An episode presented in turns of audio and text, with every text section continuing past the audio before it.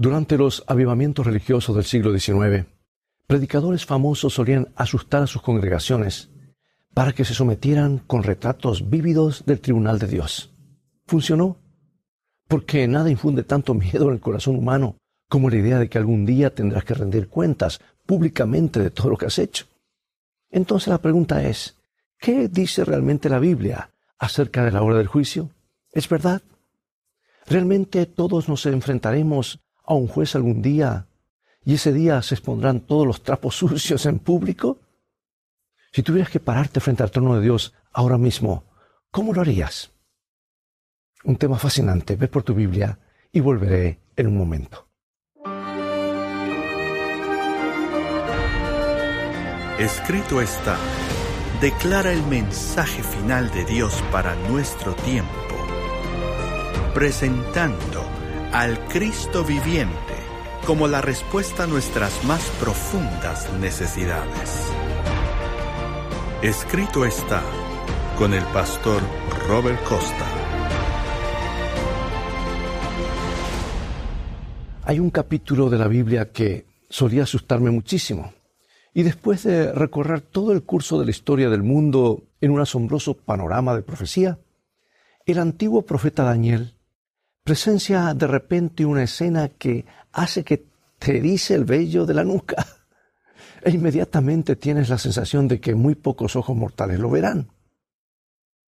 Veamos lo que vio Daniel. Al igual que la visión de Isaías del trono de Dios, o alguno de los pasajes inspiradores del libro de Apocalipsis, este vistazo, esta mirada entre bastidores a los eventos de los últimos días, te deja sin aliento realmente. Porque en pocas palabras anuncia la llegada de la obra del juicio celestial. Déjame mostrarte lo que quiero decir en el libro de Daniel capítulo 7, versículo 9. Estuve mirando hasta que fueron puestos tronos y se sentó un anciano de días, cuyo vestido era blanco como la nieve y el pelo de su cabeza como lana limpia. Su trono llama de fuego y las ruedas del mismo fuego ardiente. Un río de fuego procedía y salía delante de él Millares de millares le servían y millones de millones asistían delante de él. El juez se sentó y los libros fueron abiertos. Según la Biblia, en algún momento, justo antes de la segunda venida de Jesús, los ángeles se reúnen alrededor del trono de Dios, se abren los libros del juicio y Dios comienza a revisar cada caso. Aparentemente la hora del juicio de Dios no es sólo una pieza del folclore medieval, es una cruda realidad escrita vívidamente por la palabra de Dios. Déjame leerte un poco más de la misma profecía de Daniel. Miraba yo en la visión de la noche, y he aquí con las nubes del cielo. Venía uno como un hijo de hombre que vino hasta el anciano de días, y le hicieron acercarse delante de él. Y le fue dado dominio, gloria y reino para que todos los pueblos, naciones y lenguas le sirvieran. Su dominio es dominio eterno, que nunca pasará, y su reino uno que no será destruido. Bueno, aquí a primera vista, este pasaje casi suena como la segunda venida, ¿verdad? Especialmente con la referencia a Jesús viniendo con las nubes del cielo, pero a medida que lo lees más de cerca, se vuelve obvio que esta no es la segunda venida. En cambio es una descripción del cielo mientras se preparan para el regreso de Jesús. Los libros del juicio están abiertos y al final del día a Jesús se le da un reino que nunca pasará. Ahora escucha la tercera y última descripción del juicio que presenta Daniel capítulo 7. Y que el reino y el dominio y la majestad de los reinos debajo de todo el cielo se ha dado al pueblo de los santos del Altísimo cuyo reino es reino eterno, y todos los dominios le servirán y obedecerán. Por fin, el reino de Dios estará establecido, y ha llegado el momento en que toda rodilla finalmente se doblará y toda lengua finalmente confesará que Jesucristo es el Señor. Este es el momento de resolución. La lucha de los siglos ha llegado a su fin. El carácter de Dios ha sido vindicado. El destino de los seres humanos pecadores ha sido decidido y la y la era del pecado y sufrimiento está llegando a su fin. Pero hermano hermana, amigo y amiga, la pregunta inquietante es esta. Cuando millones de ángeles abran los libros del juicio, ¿qué descubrirán? Y más específicamente cuando lleguen a tu nombre, ¿qué va a decir ese libro? Además, si se supone que Dios sabe todo, pues ¿por qué necesitan libros allá arriba? ¿No podría Dios simplemente decir a los ángeles cómo son las cosas y dejarlo así? Quiero decir, ¿no, estaría feliz escuchar directamente de Dios? ¿Por qué el cielo necesita esos libros? ¿Y qué dicen? En el siglo XVI, María, reina de Escocia, creía que ella era la legítima reina de Inglaterra, y según la historia, hay algunas pruebas que sugieren que tenía razón. Pero debido a la atmósfera religiosa de Inglaterra, la reina Isabel estaba en el trono y María, reina de Escocia, fue enviada a prisión. Ahora bien, María se desanimó mucho en el cautiverio porque no tenía con quién hablar. Día tras día se sentaba sola en las vastas extensiones de Chadley Hall. Y luego un día un sacerdote de repente vino a visitarla y trajo mensajes secretos de partidarios externos que querían verla en el trono. Cada uno de los mensajes estaba escrito en un código especial que sólo María podía leer, y rápidamente se convirtió en un catalizador para una nueva esperanza. Pensar que había gente que quería verla en el trono le dio ánimo. Así que el sacerdote se convirtió en un visitante habitual de Chadley Hall. Y cada visita traía nuevos mensajes y recuperaba respuestas cuidadosamente encriptadas de la reina de Escocia. Y a medida que pasaba el tiempo, María y sus seguidores comenzaron a tramar un plan para asesinar a Isabel. Ahora, normalmente, habría sido muy arriesgado planear un asesinato real en papel, pero las letras estaban codificadas con tanto cuidado que era imposible averiguar de qué estaban hablando. Y así, con total confianza, absolutamente segura de que nadie nunca lo sabría, María puso palabras en el papel que podrían llevarla fácilmente al corredor de la muerte. Y ya sabes, habría sido un plan infalible, excepto por un pequeño detalle. Y fue este. Resulta que el cura era un agente doble que también trabajaba para el gobierno inglés. Y antes de entregar cualquier carta a María o desde María, siempre entregaba una copia de la misma a los funcionarios. Así que era solo cuestión de tiempo hasta que los criptógrafos de la reina descifraran el código. Y de repente toda la correspondencia privada de María se hiciera pública.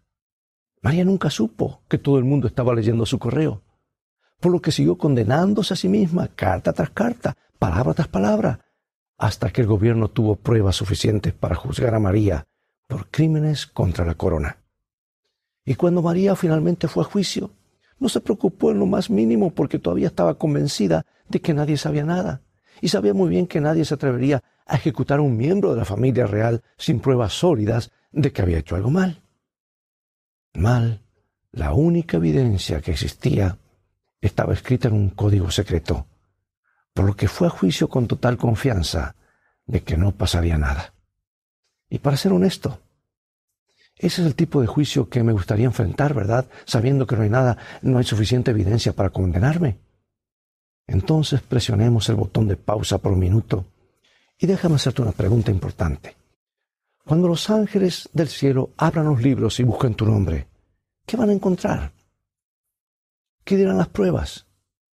¿Revelará una vida vivida para Dios o contará la historia de tus propias ambiciones y deseos?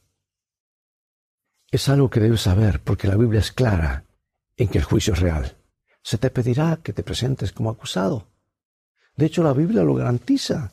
Dice en 2 Corintios 5:10, porque es necesario que todos nosotros comparezcamos ante el tribunal de Cristo, para que cada uno reciba lo que ha hecho mientras estaba en el cuerpo, sea bueno o sea malo. No, no, no te equivoques al respecto. Tu nombre aparecerá en el juicio. Mira lo que dice Romanos. Porque todos compareceremos ante el tribunal de Cristo. Amigo y amiga, si la palabra de Dios lo dice, es la verdad. Porque según la Biblia, tienes y tenemos una cita en la corte celestial. Ya está escrito. Y la pregunta en la que querrás pensar es esta. Cuando el ángel mueva su dedo por la página y llega a tu nombre, ¿qué va a encontrar? Ya sabes, Algunas personas viven sus vidas como si Dios nunca se diera cuenta y sin embargo todavía esperan deslizarse hacia el reino de los cielos en el último minuto. Y no es así. Después de todo, cuando finalmente salgan los registros, ¿qué tan malos podrían ser? Tu vida fue bastante buena y no puede haber tanta evidencia para condenarte, ¿verdad? Pero imagina la sorpresa de María cuando la corte de repente presentó todas sus cartas secretas, las tradujo al inglés sencillo y las leyó para que todos las escucharan. La evidencia fue tan abrumadora que María no tuvo ninguna oportunidad. La arrastraron y la ejecutaron. Así que imagina nuestra sorpresa en el juicio del cielo cuando descubrimos que Dios realmente se dio cuenta de todo. Realmente escuchó esas cosas que dijiste sobre tu jefe. Realmente se dio cuenta cuando te permitiste esa pequeña indiscreción moral y escuchó cada palabra esa vez que gritaste a tus hijos. Mira, escucha lo que la Biblia dice, eh, las palabras de Jesús que se encuentran en San Lucas capítulo 12, versículo 2. Dice, porque no hay nada, nada hay encubierto que no haya de descubrirse, ni oculto que no haya de saberse. Por tanto, todo lo que habéis dicho en tinieblas a la luz se oirá, y lo que habéis hablado al oído en los aposentos se proclamará en las azoteas. Verás que, de acuerdo a la Biblia, no es solo lo que has hecho lo que marca la diferencia, sino también lo que has dicho.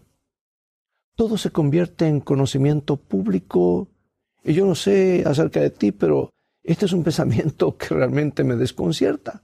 Porque cuando era niño, este pasaje me asustaba porque podía ver a los ángeles leyendo la lista de mis pecados más íntimos frente a todo el universo. Iban a gritar desde, a todo, a todo, pues desde los tejados, del techo, a todo el universo. Hermanos, el punto es que Jesús está, está expresando aquí es muy claro. No hay secretos en el cielo. Si lo hiciste o lo pensaste o lo dijiste, Dios lo sabe. Es más claro aún, dice el libro de Eclesiastés, porque Dios traerá toda obra juicio juntamente con toda cosa encubierta, sea buena o sea mala.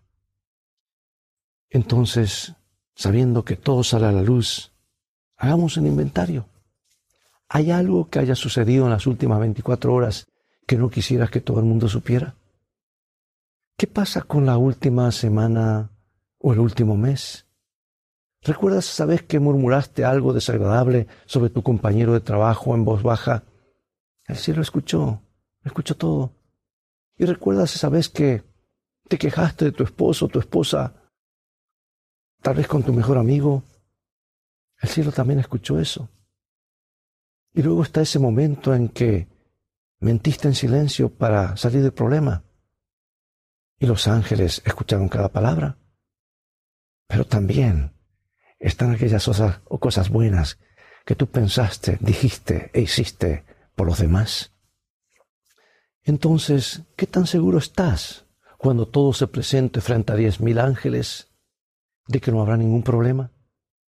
Cuando los ángeles leen una descripción de tu vida y tratan de resumir de qué se trata, ¿realmente va a sonar como alguien que pertenece al cielo? Personalmente yo no tengo ninguna posibilidad. Podría ser un predicador, pero la Biblia es muy clara en que todos pecaron y están destituidos de la gloria de Dios.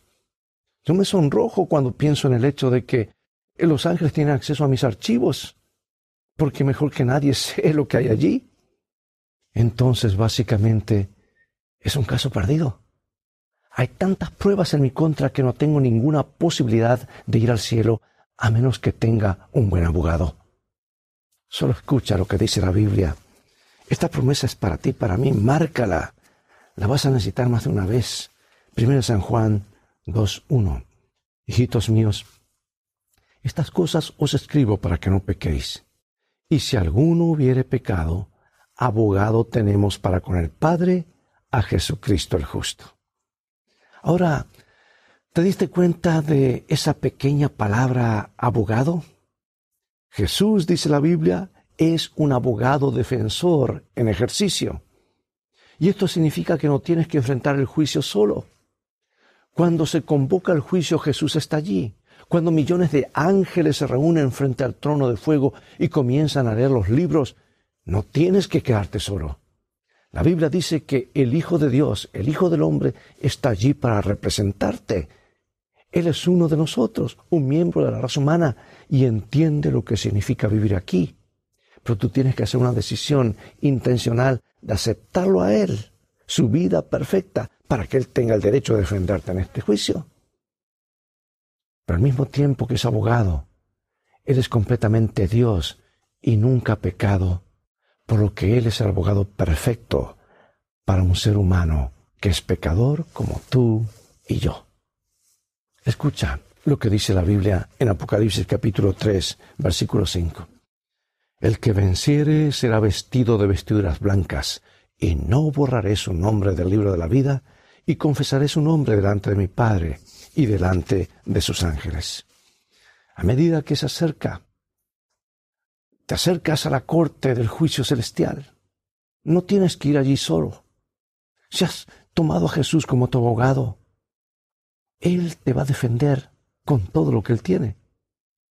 Él escribe tu nombre en el libro de la vida y eso garantiza tu lugar en el cielo.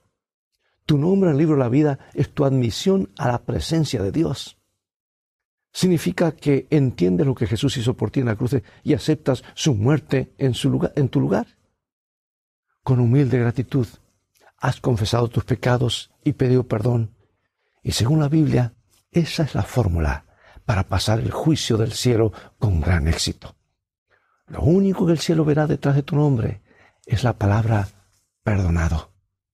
En lugar de una larga lista de fracasos, los ángeles no verán nada más que el historial perfecto de Jesús.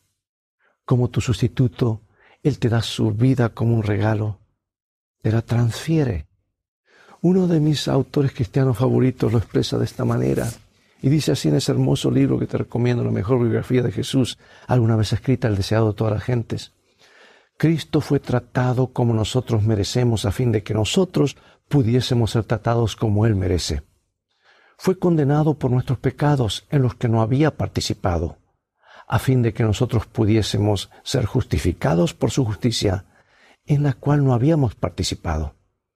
Él sufrió la muerte nuestra, a fin de que pudiésemos recibir la vida suya. Por su llaga fuimos nosotros curados. Es un trato bastante sorprendente, realmente. Eh, todo tu pecado por toda su perfección.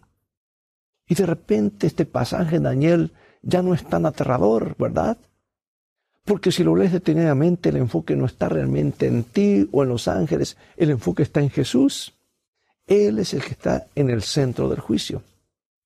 Y la Biblia dice que Él obtiene un reino que está dispuesto a compartir contigo. Daniel 7, 27 leamos nuevamente.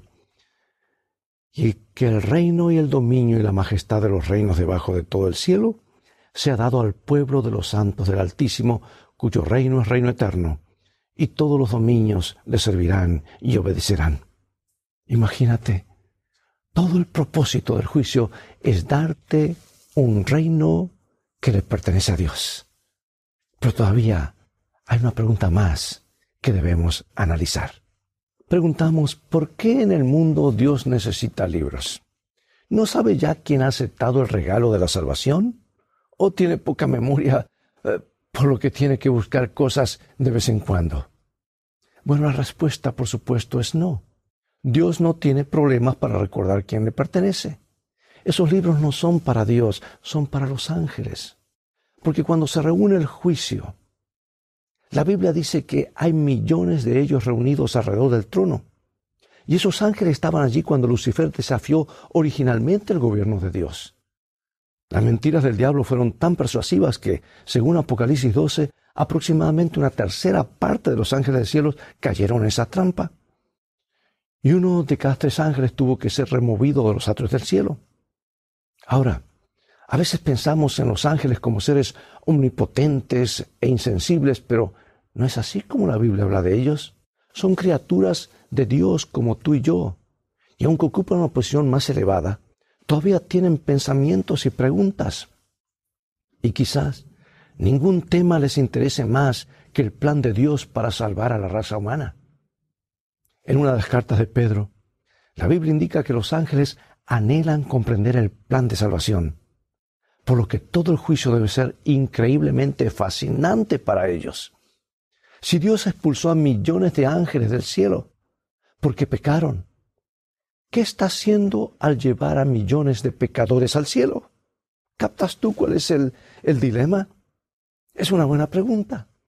Y si lo piensas, uno de los problemas más importantes que los ángeles deben resolver tiene que ver con el carácter de Dios. Las mentiras de un ángel caído han estado rondando el universo durante miles de años. Y en la hora del juicio, del juicio, Dios abre los libros y prueba que no tienen nada que esconder. Y a medida que la historia llega a su fin, saca los libros y les pide a los ángeles que decidan si ha estado diciendo la verdad o no. ¿Es realmente Dios un Dios de amor? ¿Se puede realmente confiar en Él? Cuando Él toma una decisión, ¿es siempre la mejor decisión? Y la lista de preguntas sigue y sigue porque Dios simplemente abre los libros e invita a los ángeles a ver por ellos mismos, por sí mismos. Ya sabes, podremos hacer lo mismo. Porque en Apocalipsis 20 dice que cuando lleguemos al cielo, Dios abre los libros para nosotros. Si alguien a quien amas no está allí, Dios puede mostrarte exactamente por qué. Él puede recurrir a los libros y mostrarte cómo hizo todo lo posible para salvar a tu amigo. O si te sorprende a alguien que crees que no debería estar allí en el cielo, Dios te puede mostrar los libros y puedes leer todo sobre ese momento cuando en el corazón roto esa persona que venía atribulada le pidió perdón a Jesús y reclamó, lo reclamó como su representante en ese juicio celestial. ¿Sabes? Cuando lo pienso, es casi como si Dios se pusiera a prueba en el juicio. Es como si Él invitara a todo el universo a examinar su carácter bajo un microscopio y tomar una decisión si Él es o no todo lo que alguna vez afirmó ser. Y si hay algo que sé, Dios va a pasar ese examen con gran éxito porque por encima de todo, la cruz de Cristo finalmente prueba que Él realmente es un Dios de amor. Pero la pregunta para hoy es esta.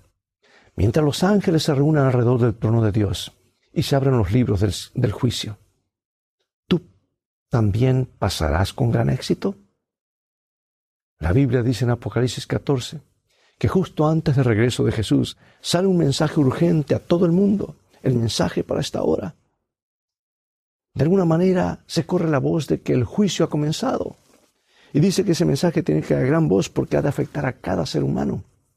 Vi volar por medio del cielo otro ángel que tenía el Evangelio eterno para predicarlo a los moradores de la tierra, toda nación, tribu, lengua y pueblo, diciendo a gran voz, otra versión dice en alta voz, temed a Dios, Dadle gloria porque la hora de su juicio ha llegado. En algún momento, justo antes de que venga Jesús, comenzará el juicio y la pregunta es, ¿estás listo? No tengas temor, el juicio es hecho en favor de los hijos de Dios, para declararlos inocentes, libres de culpas y herederos del reino de los cielos. Las buenas nuevas, que la hora del juicio ha llegado. Tenemos un gran abogado. Y ahora, para concluir, te cuento de una destacada mujer de negocios que se encontró en serios problemas legales y todos sus amigos la animaron a buscar un buen abogado. De hecho, la animaron a buscar el mejor abogado de la ciudad. Escucha, dijeron, él nunca ha perdido un caso. Pero la mujer orgullosa no quería un abogado. ¿Para qué necesito un abogado? Soy lo suficientemente inteligente como para cuidar de mí misma. Pero, ya sabes, a medida que se acercaba la fecha de la corte, y ella comenzó a revisar los hechos del caso, se dio cuenta de lo grave que era el problema. Al igual que alguien que mira hoy, mm, siente que si tenía que comparecer ante Dios sería algo realmente terrible. Entonces, cuando nadie miraba, se coló en la oficina del abogado y trató de contratarlo. Escucha, dijo, estoy en un verdadero problema y necesito tu ayuda iba a defenderme, pero estoy empezando a pensar que no es una buena idea, así que estoy aquí para contratar tus servicios. El abogado revisó los hechos del caso y dijo, sabe señora, estoy bastante seguro de que podría eh, superar esto si fuera su abogado. Excelente, dijo ella, entonces me gustaría contratarte. Desafortunadamente dijo, no puedo hacer eso, porque justo esta mañana fui designado para ser el juez de su caso y ya no puedo representarte. Si hubieras venido ayer, las cosas serían diferentes. Si hubieras venido ayer, déjame preguntarte, amigo amiga, ¿puedes pensar en una buena razón para no venir hoy a Jesús? Porque eventualmente descubrirás que es demasiado tarde y aquel que desesperadamente quería representarte será tu juez. Y qué vergüenza, cuando el perdón estaba tan disponible en este momento.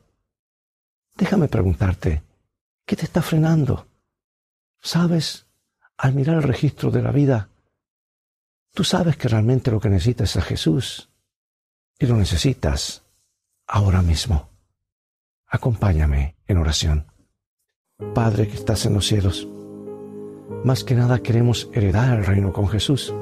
Reconocemos que necesitamos a Jesús, creyendo que Él confesará nuestro nombre ante los ángeles y su Padre Anhelamos verlo venir en gloria para que por fin podamos estar seguros en el reino de los cielos.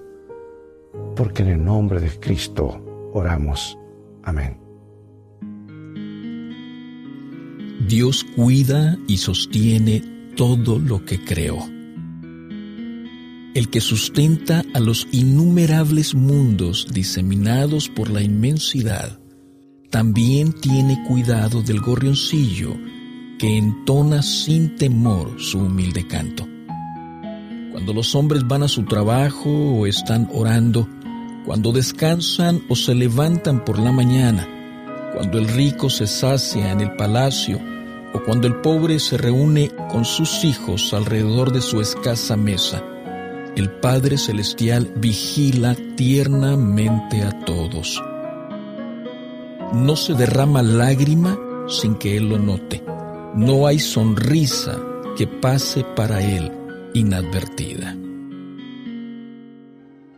Bien, es todo el tiempo que tenemos por hoy. Un tema tan profundo como este merecería varios temas más, ¿verdad? Así que hablaremos más en otras oportunidades acerca del juicio, las buenas nuevas de la hora del juicio.